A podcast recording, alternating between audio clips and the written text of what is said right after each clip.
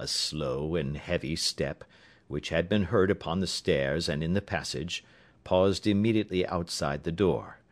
Then there was a loud and authoritative tap. "Come in," said Holmes. A man entered, who could hardly have been less than six feet six inches in height, with the chest and limbs of a Hercules. His dress was rich with a richness which would, in England, be looked upon as akin to bad taste. Heavy bands of astrakhan were slashed across the sleeves and fronts of his double breasted coat, while the deep blue cloak which was thrown over his shoulders was lined with flame coloured silk, and secured at the neck with a brooch, which consisted of a single flaming beryl. Boots, which extended half way up his calves, and which were trimmed at the tops with rich brown fur, completed the impression of barbaric opulence which was suggested by his whole appearance. He carried a broad brimmed hat in his hand, while he wore across the upper part of his face, extending down past the cheek bones, a black vizard mask, which he had apparently adjusted that very moment, for his hand was still raised to it as he entered. From the lower part of the face he appeared to be a man of strong character, with a thick, hanging lip, and a long, straight chin suggestive of resolution pushed to the length of obstinacy. "You had my note?" he asked, with a deep, harsh voice and a strongly marked German accent. "I told you that I would call." He looked from one to the other of us, as if uncertain which to address. "Pray take a seat," said Holmes. "This is my friend and colleague, Dr. Watson, who is occasionally good enough to help me in my cases. Whom have I the honour to address?" "You may address me as the Count Von Kramm, a Bohemian nobleman. I understand that this gentleman, your friend, is a man of honour and discretion, whom I may trust with a matter of the most extreme importance. If not, I should much prefer to communicate with you alone." I rose to go, but Holmes caught me by the wrist and pushed me back into my chair. "It is both or none," said he. You may say before this gentleman anything which you may say to me." The count shrugged his broad shoulders. "Then I must begin," said he, "by binding you both to absolute secrecy for two years. At the end of that time, the matter will be of no importance. At present it is not too much to say that it is of such weight, it may have an influence upon European history. "I promise," said Holmes. "And I." "You will excuse this mask," continued our strange visitor. "The august person who employs me wishes his agent to be unknown to you, and I may confess at once that the title by which I have just called myself is not exactly my own." "I was aware of it," said Holmes dryly. The circumstances are of great delicacy, and every precaution has to be taken to quench what might grow to be an immense scandal, and seriously compromise one of the reigning families of Europe. To speak plainly, the matter implicates the great house of Ormstein, hereditary kings of Bohemia." "I was also aware of that," murmured Holmes, settling himself down in his armchair and closing his eyes. Our visitor glanced with some apparent surprise at the languid, lounging figure of the man who had been no doubt depicted to him as the most incisive reasoner and most energetic agent in Europe. Holmes slowly reopened his eyes, and looked impatiently at his gigantic client. "If your Majesty would condescend to state your case," he remarked, "I should be better able to advise you. The man sprang from his chair and paced up and down the room in uncontrollable agitation. Then, with a gesture of desperation, he tore the mask from his face and hurled it upon the ground. "You are right!" he cried. "I am the king. Why should I attempt to conceal it?" "Why, indeed?" murmured Holmes. "Your Majesty had not spoken before I was aware that I was addressing Wilhelm Gottsreich Sigismond von Ormstein.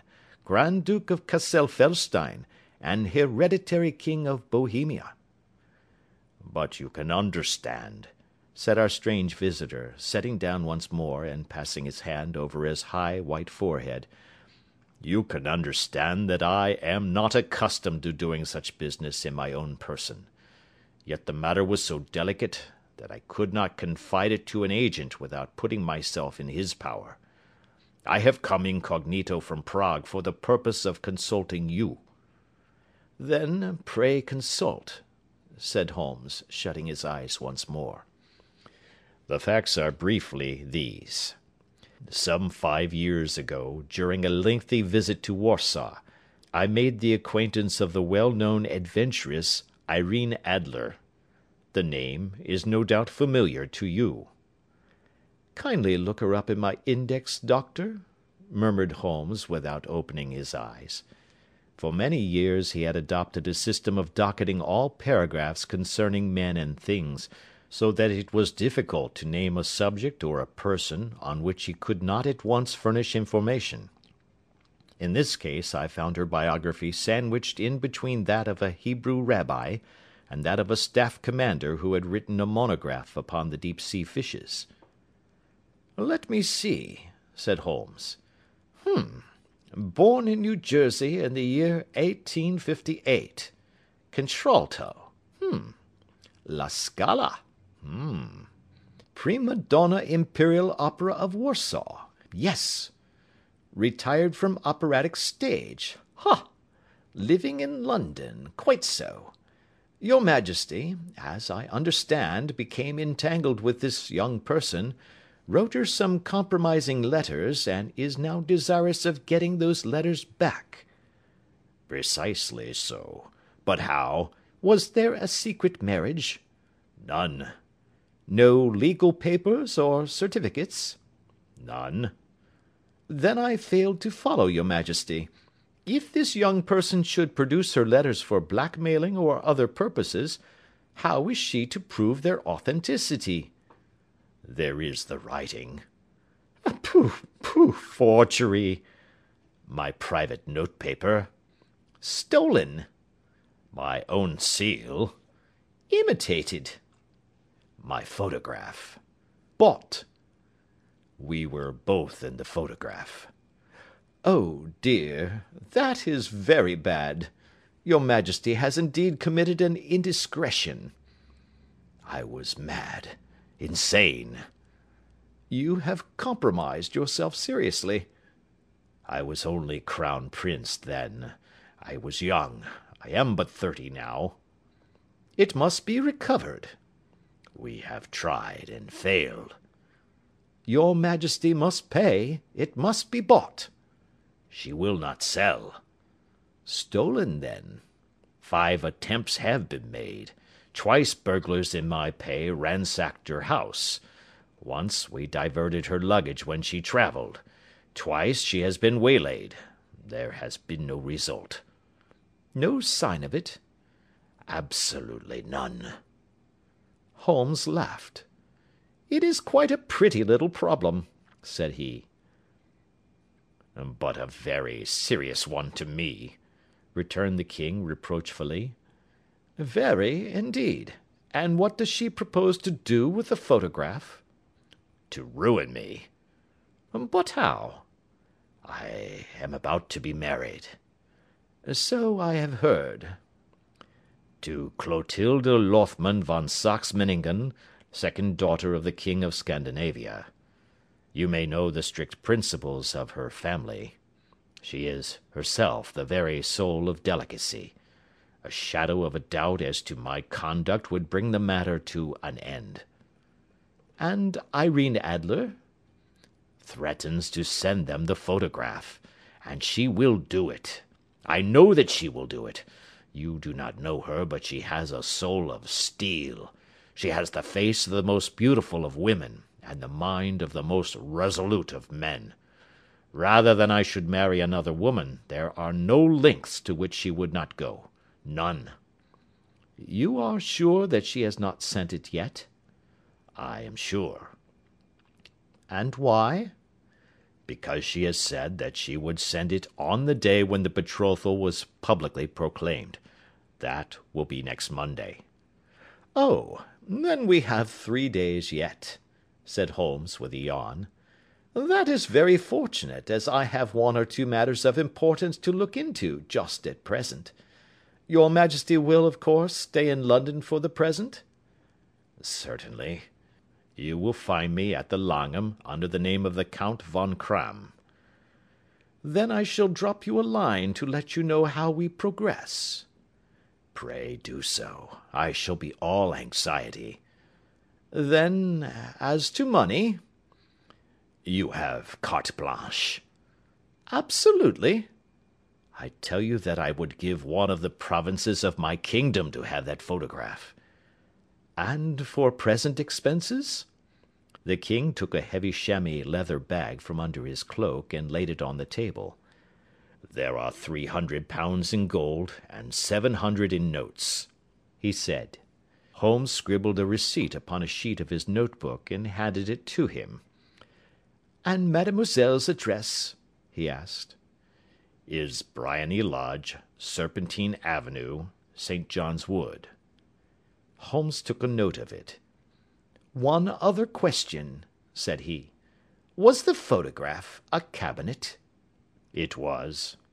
"Then good night, your Majesty, and I trust that we shall soon have some good news for you. And good night, Watson," he added, as the wheels of the royal brougham rolled down the street. "If you will be good enough to call to morrow afternoon at three o'clock, I should like to chat this little matter over with you. II At three o'clock precisely, I was at Baker Street, but Holmes had not yet returned. The landlady informed me that he had left the house shortly after eight o'clock in the morning. I sat down before the fire, however, with the intention of awaiting him, however long he might be. I was already deeply interested in his inquiry, for, though it was surrounded by none of the grim and strange features which were associated with the two crimes which I have already recorded, still, the nature of the case and the exalted station of his client gave it a character of its own. Indeed, apart from the nature of the investigation which my friend had on hand, there was something in his masterly grasp of a situation and his keen, incisive reasoning, which made it a pleasure to me to study his system of work, and to follow the quick, subtle methods by which he disentangled the most inextricable mysteries. So accustomed was I to his invariable success, that the very possibility of his failing had ceased to enter into my head. It was close upon four before the door opened, and a drunken looking groom, ill kempt and side whiskered, with an inflamed face and disreputable clothes, walked into the room. Accustomed as I was to my friend's amazing powers in the use of disguises, I had to look three times before I was certain that it was indeed he. With a nod he vanished into the bedroom, whence he emerged in five minutes, tweed suited and respectable as of old. Putting his hands into his pockets, he stretched out his legs in front of the fire, and laughed heartily for some minutes. "Well, really!" he cried, and then he choked and laughed again until he was obliged to lie back, limp and helpless, in the chair. "What is it?" "It's quite too funny. I am sure you could never guess how I employed my morning, or what I ended by doing." "I can't imagine. I suppose that you must have been watching the habits, and perhaps the house, of Miss Irene Adler?" "Quite so, but the sequel was rather unusual. I will tell you, however. I left the house a little after eight o'clock this morning in the character of a groom out of work. There is a wonderful sympathy and freemasonry among horsey men. Be one of them, and you will know all that there is to know. I soon found Briony Lodge. It is a bijou villa, with a garden at the back, but built out in front right up to the road, two stories. Chubb lock to the door. Large sitting room on the right side, well furnished, with long windows almost to the floor, and those preposterous English window fasteners which a child could open. Behind there was nothing remarkable, save that the passage window could be reached from the top of the coach house.